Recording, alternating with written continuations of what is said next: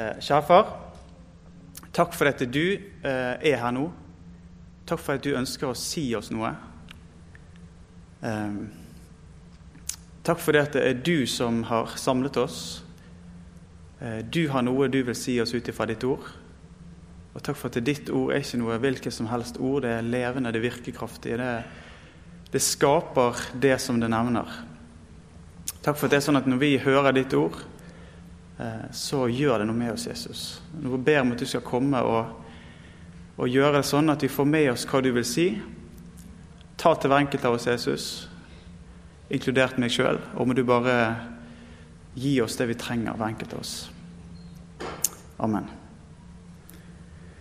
Ehm, det jeg skal si noe om i dag, det er hentet fra en av eh, sidetekstene til søndagen. Og det er Jesaja 55, eh, vers 1-3. Ehm, det kommer opp på veggen her. Så kan vi godt eh, reise oss, sånn som vi pleier å gjøre. Kom alle tørste, kom til vannet. Dere uten penger, kom og kjøp korn og spis. Kom, kjøp korn uten penger, vin og melk uten betaling. Hvorfor bruke penger på det som ikke er brød, og arbeid på det som ikke metter?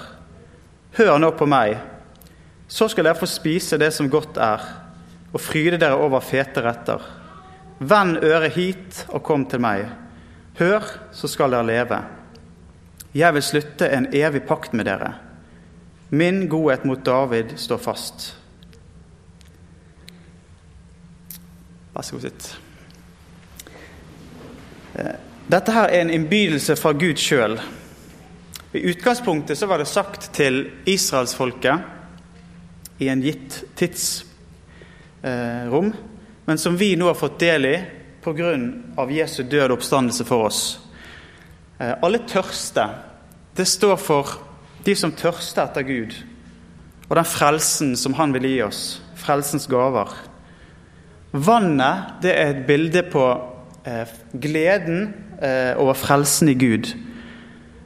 Eh, tidligere i Isaiah, i vers 12, 3, så står det med glede skal dere øse vann av frelsens kilder. Så dette er ikke vanlig vann det er snakk om. Det, det er snakk om eh, gleden over frelsen i Gud. Og vin og melk det er òg bilder på, på, noe som gir tilfredsstillelse. Det, det er bilder på at eh, at Gud han vil ikke bare gi oss eh, så vidt så vi har nok til å overleve, men han, han vil gi oss det som gir glede, det som bringer glede. Eh, kjøp uten penger. Det høres ut som en sånn eh, motsigelse. Men det, det, står for at dette er en gave. Eh, en gave Gud vil gi oss helt gratis. Frelsen er med andre ord en gave som Gud vil gi oss helt gratis. Gud han gir alt vi bidrar ikke med noe annet enn å ta imot med takk. Og så kan vi tenke det at Hvordan går det an å si nei til en sånn invitasjon? Og Det er det Gud spør i neste verset. Hvorfor bruke penger på det som ikke er brød, og arbeid på det som ikke metter? Eh, med andre ord så sier Gud, 'Jeg vil gi dere alt dette her.' 'Alt det jeg har, vil jeg gi gratis som en gave til dere.' Hvorfor skal dere da prøve å søke glede og tilfredsstillelse i andre ting? Jeg vil gi dere det, helt gratis. Og så ser vi gang på gang i israelsfolket sin historie at de vender seg bort fra Gud, fra det som han vil gi, til andre guder, til rikdom, til et komfortabelt liv, til å være egne herrer i eget liv. De brukte pengene sine på det som ikke var brød, og de jobbet for det som ikke stilte den åndelige tørsten. Og så trenger ikke man å være profet for å tenke at det gjelder kanskje en eller to her òg. For jeg trenger ikke gå lenger til meg sjøl. Um, ehm, og hvis det er sånn at på seg sjøl så kjenner man andre, så tenker jeg at det er aktuelt for de fleste av oss her inne. Uh, og så har jeg lyst til å bare si det sånn generelt sett, at når en taler står her, uh, så er ikke det det at det, er en person som får alt til, som skal liksom fortelle de andre nå hvordan, hvordan det skal gjøres. Taleren han skal bare være et redskap for Guds ord, og så er det Guds ord som skal få lov til å tale til oss. Og det er Guds ord som skal gjøre noe med oss. Okay? Sånn, sånn det gjelder, Og det inkluderer taleren sjøl. Sånn at jeg taler like mye til meg sjøl. Og derfor så kan jeg òg få lov til å være frimodig og løfte frem litt mer utfordrende sider i Guds ord. Fordi at eh, jeg trenger like mye å høre det sjøl. Ok. Um, for Gud han spør israelsfolket og oss hvorfor vi gang på gang søker glede og tilfredsstillelse i alt mulig annet enn Han. I materielle ting, i penger, kjærlighet til penger kanskje, i arbeid, karriere. Det kan være i det motsatte kjønn. Det kan være kanskje til og med i tjenesten for Gud. Um, og så gir han svaret på problemet vårt i de neste setningene. Hør nå på meg. Hør nå på meg, så skal dere få spise det som godt er, og fryde dere over fete retter. Vend øret hit og kom til meg, hør, så skal dere leve. Jeg vil slutte en evig pakt med dere, min godhet mot David står fast. Gud kommer med en ny invitasjon. Han kommer med nåde. Det er ikke sånn at Gud stenger døren fordi om vi har gjort feil. Han står med åpne armer og så sier han 'kom og ta imot'. Du som ikke fortjener det. Du som trenger en ny start. Men legger du merke til hva det vil si å komme til Gud? Gud sier 'hør, hør nå på meg'. Vend øret hit. Kom til meg. Altså Gud vil at vi skal høre på det som han vil si oss. Han vil at vi skal eh, høre oss inn i hans nærhet. Det å vende øret til Gud og komme til Han, det er egentlig to sider av samme saken. Fordi at, eh, Hvor er det vi hører Guds stemme? Hvor er det vi kommer til Han? Jo, det er i Hans ord. Og det er når vi både leser Guds ord på egen hånd eller sammen med andre, og det er når vi hører på Guds ord forkynt. Så det å komme til Gud det begynner faktisk med noe så konkret som at vi tar til oss Hans ord gjennom forkynnelse gjennom bibellesing. Og så tror jeg òg at det handler om eh, vår respons på ordet. Um, og det skal jeg fokusere eh, mest på i dag. Det handler om vår reaksjon på Guds invitasjon til oss. Um, for jeg tror det at Guds ord er levende. Jeg tror det at det gjør noe med oss når vi hører det. Men jeg tror faktisk at vi har en, en mulighet til å eh, forherde hjertene våre. Jeg tror vi har egentlig to alternativer. Når Gud inviterer oss til seg, så tror jeg vi kan gjøre hjertene våre harde og fortsette som før. Og være herre i våre egne liv og gjøre sånn som vi syns er best. Bibelen er full av eksempler på at det er mulig. Eller så kan vi vende om. Vi kan vende oss fra oss sjøl, og så kan vi svare ja på Guds invitasjon. Og la Han være herre i livet. Og omvendelse det er et ord som eh, ofte blir brukt om dette. Og overgivelse er et annet ord. Og jeg tenker at det handler om mye av det samme. Jeg kommer til å bruke mest ordet overgivelse nå. Overgivelse til Gud. Um, vet ikke hvordan det er med deg når du hører det ordet, men jeg har hatt litt, jeg har hatt litt problemer med det ordet overgivelse. Eh, jeg har tenkt det at eh, dette er noe som jeg må prestere. Det høres litt strevsomt ut, syns jeg. Jeg skal overgi meg til Gud. Eh, det høres ut som noe jeg skal gjøre fordi at Gud trenger det. Eller det høres ut som noe som jeg skal gjøre for at Gud skal bli fornøyd med meg. på en måte. Akkurat som det er en slags sånn trinn to på en sånn flink kristenstige, der du liksom begynner som en vanlig kristen, helt sånn nederst, og så kommer det opp et nivå. Det er sånn for de som er overgitte kristne. Men vet du hva, det kunne ikke vært lenger fra sannheten. Eh, hva betyr egentlig overgivelse? Eh, og For å finne ut av det så gikk jeg til den store kilden for visdom og kunnskap, nemlig Wikipedia. Eh, og når jeg skulle søke på, det, på ordet overgivelse, så ble jeg, det står at jeg ble, jeg ble, omdirigert til en annen side. Jeg ble omdirigert til et annet ord, eh, nemlig kapitulasjon. Det er tydelig at Wikipedia ikke syntes det var vits i å ha med ord overgivelse når de hadde kapitulasjon. Så det betydde liksom det samme. Og Det står det her da, at det er fra latin 'capitulare' å forholde seg til en avtale. En avtale i krigstid for overgivelse av en troppestyrke, en by, deler av et land eller et helt land til fienden. Um, kapitulasjon altså, det handler altså rett og slett om å gi opp. Uh, det handler om å gi opp, kapitulere, erkjenne at du er den svakeste parten, uh, uten mulighet til å vinne. Og det handler om å overgi seg i hendene på den sterkere parten. Uh, og Nå er jo ikke dette den bibelske definisjonen av overgivelse, nødvendigvis. Men jeg tror det er mye i dette her.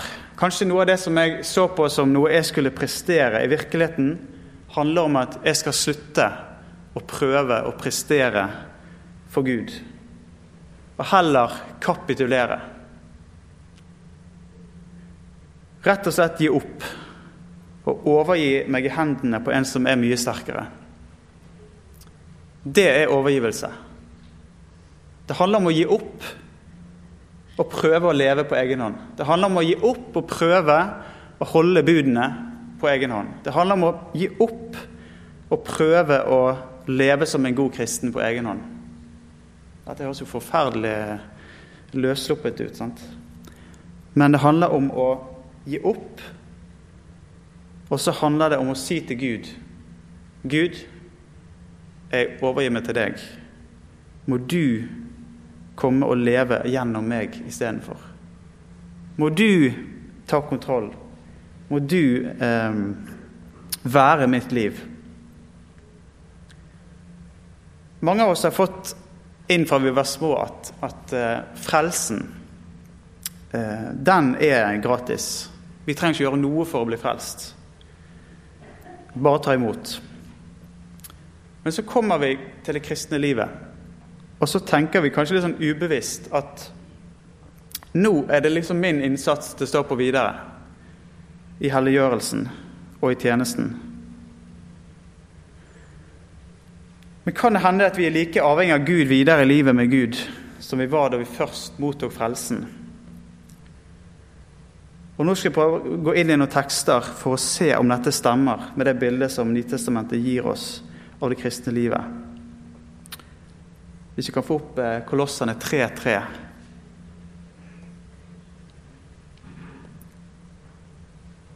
Eh, der sier Paulus.: Dere er jo døde. Dere er jo døde, og deres liv er skjult med Kristus i Gud. Men når Kristus, deres liv, åpenbarer seg, da skal også dere bli åpenbart i herlighet sammen med ham. Og Galaterne 2,20. Jeg er korsfestet med Kristus. Jeg lever ikke lenger selv, men Kristus lever i meg. Og så Romerne 6, 6-8. Vi vet at vårt gamle menneske ble korsfestet med ham for at den kroppen som var underlagt synden, skulle tilintetgjøres, og vi ikke lenger skulle være slaver under synden. For den som er død, er befridd fra synden. Er vi døde med Kristus, tror vi at vi også skal leve med ham. Nå var det mye død og fordervelse i disse tekstene, men dette er en av de største og viktigste sannhetene for deg å vite som en kristen, og det er at du er død. Du er rett og slett død. Og hvor mye kan en død person foreta seg egentlig? Ingenting. Og hva er det Gud vil si oss gjennom dette her? Jo, det er at du er ikke så god på bønnen som du tror. Synden i oss, det er ikke bare en sykdom som eh, kan kureres. Men vi har falt så alvorlig fra Gud at det er ingenting i oss som Gud har å bygge på i forhold til frelsen. Han måtte rett og slett gi dødsdommen til det gamle mennesket. Og så måtte han skape et nytt menneske i oss. Et nytt menneske som er uten synd. Han måtte rett og slett begynne helt på nytt. Og Dette skjedde på korset, og der holdt Gud dom over all synd noensinne, og inkludert din og min synd. Da ble det dommen rammet Jesus. Dommen rammet Jesus i stedet for deg og meg. Og fordi Jesus tok på seg skylden for all vår synd, så fikk vårt gamle menneske sin dom på korset. Vårt gamle menneske døde med Jesus på korset. Og ble lagt i graven med Jesus. Og så står Jesus opp til et nytt liv. Og det skjer òg med oss. Når vi mottar frelsen, så får vi et nytt liv i en gave. I gave. Vi blir, blir, på en måte reist opp til et nytt liv. Eh, og hvor skjer dette? Hvordan skjer dette her? Jo, det skjer faktisk eh, i dåpen. Og dåpen det er inngangsporten til det kristne livet. Det er selve tegnet på total overgivelse til Gud. Det er faktisk dåpen. Har du tenkt på det? At du er en overgitt kristen fra første stund når du blir frelst. For det at eh, dødsdommen over ditt gamle liv, det er avsagt fra begynnelsen av. Så med andre ord, overgivelse det er ikke noe som skjer når du har vært kristen en stund og kommer opp på et nytt nivå. Du er en overgitt kristen fra første stund som kristen. Fordi dåpen det, det, er selve inngangsporten til det nye livet. Og det er i dåpen at vi blir Paulus at vi blir begravet med Jesus. Vi blir reist opp med Jesus til et nytt liv. Og i dåpen så skjer det noe så radikalt som at du dør. Du dør fra det gamle livet ditt og du blir reist opp til et nytt liv. Og Det er kanskje noe vi ikke tenker så mye på når vi, vi døper barn med, med vann over hodet. Og det kan være veldig fint. Men den opprinnelige måten å gjøre det på, det var med full neddykkelse. Sånn at de ble helt ned i vannet og reist opp igjen fra vannet. Du blir begravet med Kristus ned i vannet, og så blir du reist opp til et nytt liv opp av vannet. Og du går faktisk ned i dåpsvannet som din egen herre. Altså nå, det, gjelder, det høres kanskje litt rart ut når jeg snakker om barn på, som sin egen herre, men dere skjønner det at, at uh, uavhengig om vi døper barn eller voksne, så, så uh, blir vi født inn i verden som på en måte vår egen herre. Og vi trenger en ny herre. Vi går på en måte ned i dåpsvannet som vår egen herre, og så kommer vi opp igjen med en annen herre, Jesus. Vi kommer opp igjen i dåpsvannet med en ny identitet, eh, et nytt liv, en ny herre, en ny sjef. Eh, og i dåpen gir vi egentlig opp råderetten over vårt eget liv. Har du tenkt på det at i dåpen så gir vi egentlig opp råderetten over våre egne liv. Og Det kan sammenlignes med det faktisk som skjedde når Jesus kalte disiplene sine. For at de, når de ble kalt Jesus sa 'kom og følg meg', og så forlot de alt. De forlot det gamle livet. Eh, de på en måte døde fra alt det som betydde noe for dem i den verden de forlot, eller det livet de forlot. Og så begynte de et helt nytt liv sammen med Jesus i etterfølgelse av han. Så tenk stort om det som skjedde i dåpen. Det er store ting som skjedde der. Det gamle livet ditt ble begravet, og du fikk et helt nytt liv. Og Så tenker du kanskje hvorfor trenger vi da snakke om overgivelse i det hele tatt, hvis vi allerede er døde, hvis vi allerede er overgitt til Gud? Kanskje vi bare da lever sånn som vi vil, og så er vi alt i orden likevel. Det som på en måte gjør det vanskelig for oss, det er at vi, selv om vi er døde, eh, så betyr ikke at det gamle mennesket er tatt ut av oss. Det er ikke fjernet. Vi har det med oss fremdeles. Og på mange måter så, så kjenner vi at det, det Det er i høyeste grad noe som påvirker livene våre fremdeles. Og det vil vi ha med oss helt til vi går ut av denne verden. Eh, nå skal jeg bare ta med litt mer av det første bibelverset vi leste i Kolossene 3.3, så forklarer Paulus dette her. Eh, dere er jo døde, og deres liv er skjult med Kristus i Gud. Men når Kristus, deres liv, åpenbarer seg, da skal også dere bli åpenbart i herlighet sammen med ham. Og så sier han videre.: La da det jordiske i dere dø. Hor, urenhet, lidenskap og ondt begjær og grådighet, som ikke er annet enn avgudsdyrkelse. Alt dette gjør at Guds vrede rammer de ulydige.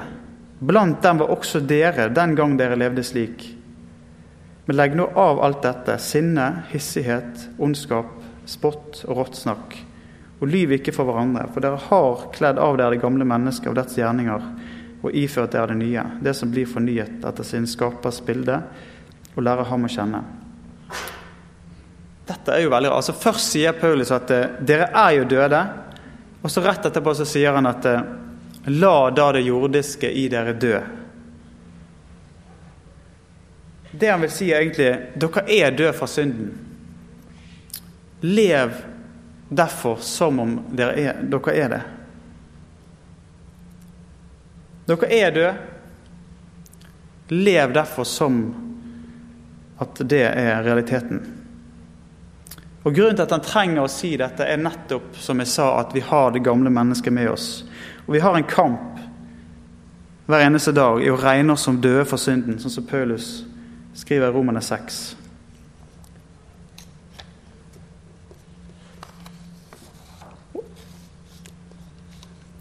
Og det er egentlig nå nå begynner egentlig talen. så Hvis vi kan bare ta, telle tiden fra nå, så hadde det vært flott. Nei, men overgivelse det, blir, det er nå på en måte det blir ekstra aktuelt for oss som er døpt og tilhører Jesus. Sånn vi er allerede vi har sett at vi er allerede overgitt til Gud. Men det er en daglig kamp å overgi seg til Gud på nytt. Alt er ikke i orden fordi du en gang har gitt livet ditt til Jesus. Eh, før i tiden så snakket de kristne om den daglige omvendelse. Og Det, det syns jeg er så bra uttrykk at det eh, syns jeg vil stemme for at vi innfører på nytt. Eh, for det sier noe om at selv om jeg en gang har, er omvendt, eh, så er ikke det noe som gjelder for all fremtid. Det trenger å skje kontinuerlig. Akkurat som i, i ekteskapet mitt. Altså, Jeg er gift med Katrine. Det er ikke sånn at jeg bare trenger å love det én gang, så kan jeg leve akkurat sånn som jeg vil resten av livet, for det en gang har gitt et løfte. Men jeg trenger å velge henne hver eneste dag. Hver eneste dag må jeg velge med, med de ordene jeg sier, og tankene mine og handlingene mine, må jeg velge Katrine på nytt. Og sånn tenker jeg at det er med Gud òg. Vi, vi, må på en måte eh, hele tiden eh, si til Gud at jeg, jeg velger deg. Jeg ønsker å tilhøre deg. Jeg ønsker å gi livet mitt til deg. For ellers så vil det gamle livet fort gjøre seg gjeldende igjen. Det vil fort komme på banen igjen, og vi, vi ønsker å være vår egen herre.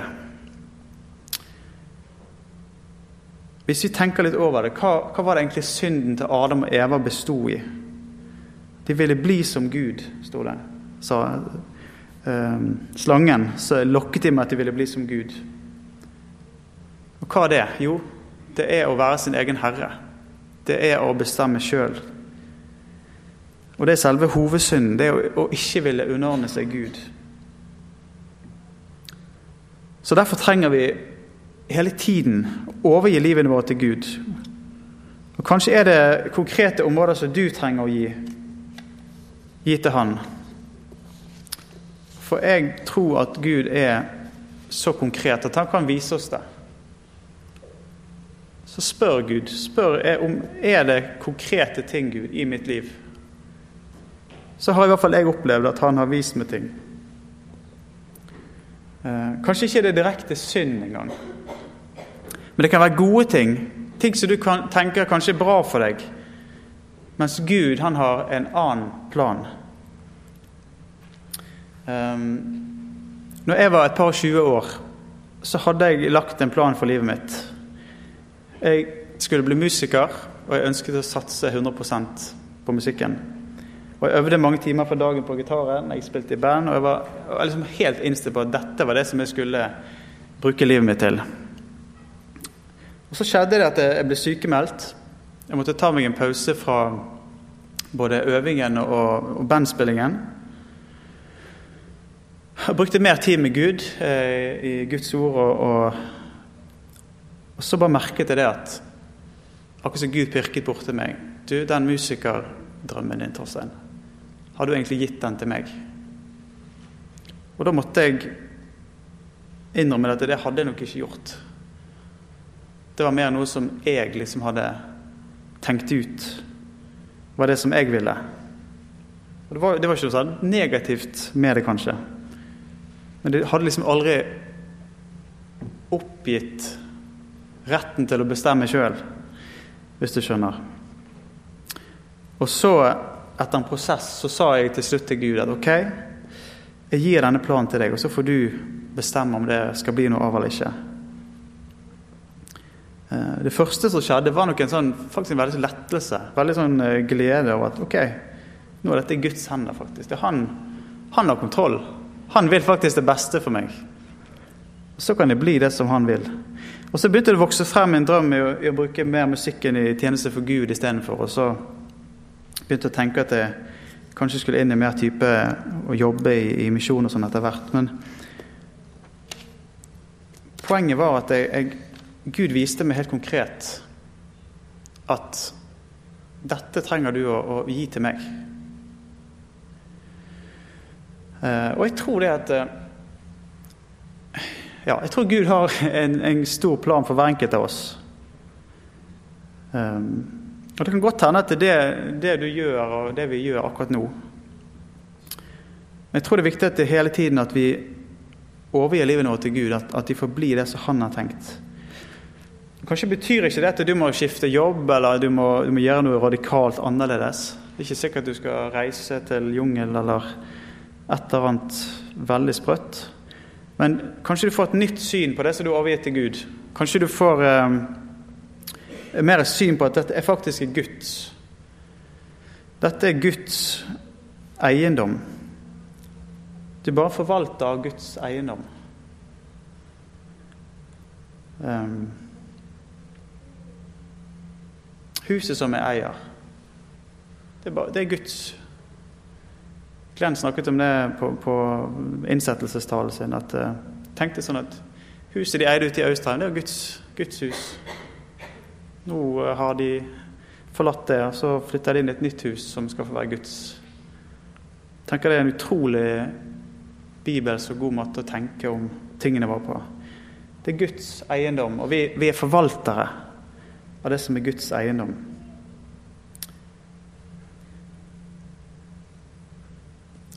Når Moses ble kalt, så hadde han en, en stav i hånden sin.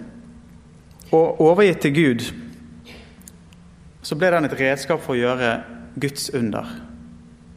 Men i seg sjøl så var det bare en vanlig stav. Hva har du i hånden din? Kanskje du har en meningsfull jobb. Kanskje en god økonomi, huset ditt, en utdanning, relasjoner. Overgi det til Gud.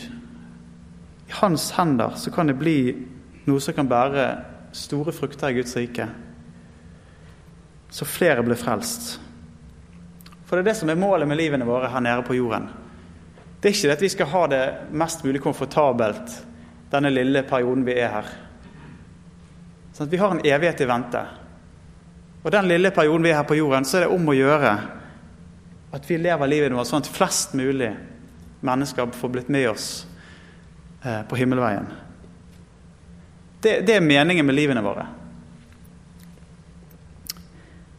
Vi tilhører ikke lenger oss sjøl. Vi er døde, og vi har fått et nytt liv. Så vi skal leve sånn at flere blir frelst.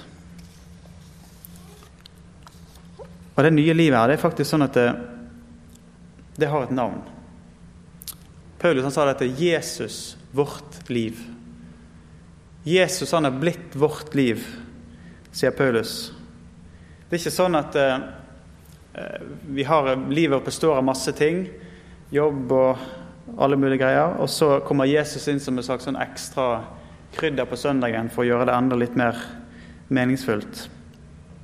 Nei, det er sånn at alt i livene våre skal være underlagt Jesus. Han er herre. Eh, og Det var faktisk den første kristne bekjennelsen som, som oppsummerte troen for de første kristne. Det var at Jesus er herre. Han er herre over alle ting. Alle skal en gang bøye kne for, for Jesus. Um, og vi kan gjøre det nå, frivillig. Han, han ønsker å være herre i ditt liv. Um, så slipp han til. La han være og gjøre det som han vil ved livet ditt. For det er det eneste som virkelig tilfredsstiller. Det er jeg helt overbevist om. Og det er det som står i den teksten vi leste i begynnelsen. Det er det Gud sier. Hør nå på meg, sier Gud. Så skal dere få spise det som godt er, og fryde dere over fete retter. Vend øret hit og kom til meg. Hør, så skal dere leve. Jeg vil slutte en evig pakt med dere. Min godhet mot David står fast. Det å overgi livet sitt til Gud, det er det beste livet man kan ha. For det lille jeg har erfart med det, er at, at livet har blitt mye bedre når jeg har overgitt ting til Gud. Og det er hele tiden ting jeg trenger å overgi på nytt, og det er hele tiden ting som jeg områder jeg ikke har overgitt. Eh, men Gud har, Gud har det beste livet for oss. Det betyr ikke det nødvendigvis at, at det ikke blir trengsler eller prøvelser eller vanskelige ting i livet, men, men jeg tror at, at det, det er det eneste livet som virkelig tilfredsstiller.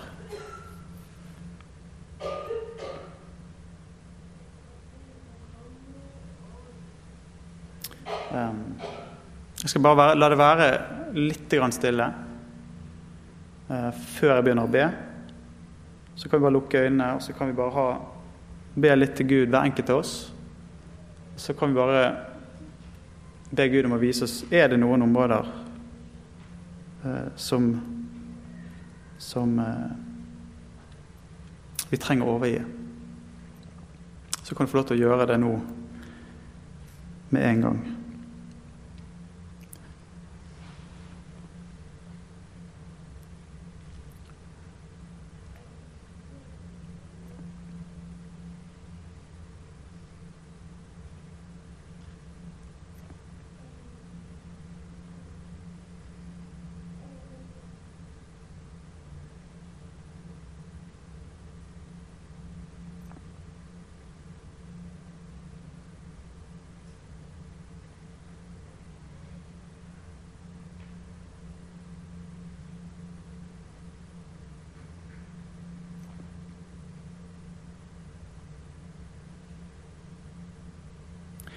Kjære far, takk fordi at du gikk i døden for oss. Fordi du elsket oss så uendelig høyt at du ikke ville la oss gå til fortapelsen. Takk, Jesus, for at du eh, lever i dag, Jesus. Takk for at de får tilhøre deg. Takk for at de får være eh, Takk for at du er vårt liv, Jesus. Takk for at det er det beste livet å tilhøre deg, Jesus. Jeg har lyst til å bare be om at du må komme med din ånd, Jesus, og, og vekke oss opp for realitetene, Jesus, i at, at du, du lever, Jesus, og du, du, eh, ønsker fellesskap med oss, og du ønsker å være herre i våre liv, Jesus. Du ønsker å, å bruke oss, Herre. Ja, men du tar oss og bruker oss sånn som du vil, både som forsamling, Jesus, og som enkeltpersoner i hverdagen, som utsendinger i hverdagen, Herre. Må du bare utruste hver enkelt her med ånd og kraft til å være utsendinger for deg, ambassadører for deg i hverdagen, Herre. Så flere blir frelst. I Jesu navn. Amen.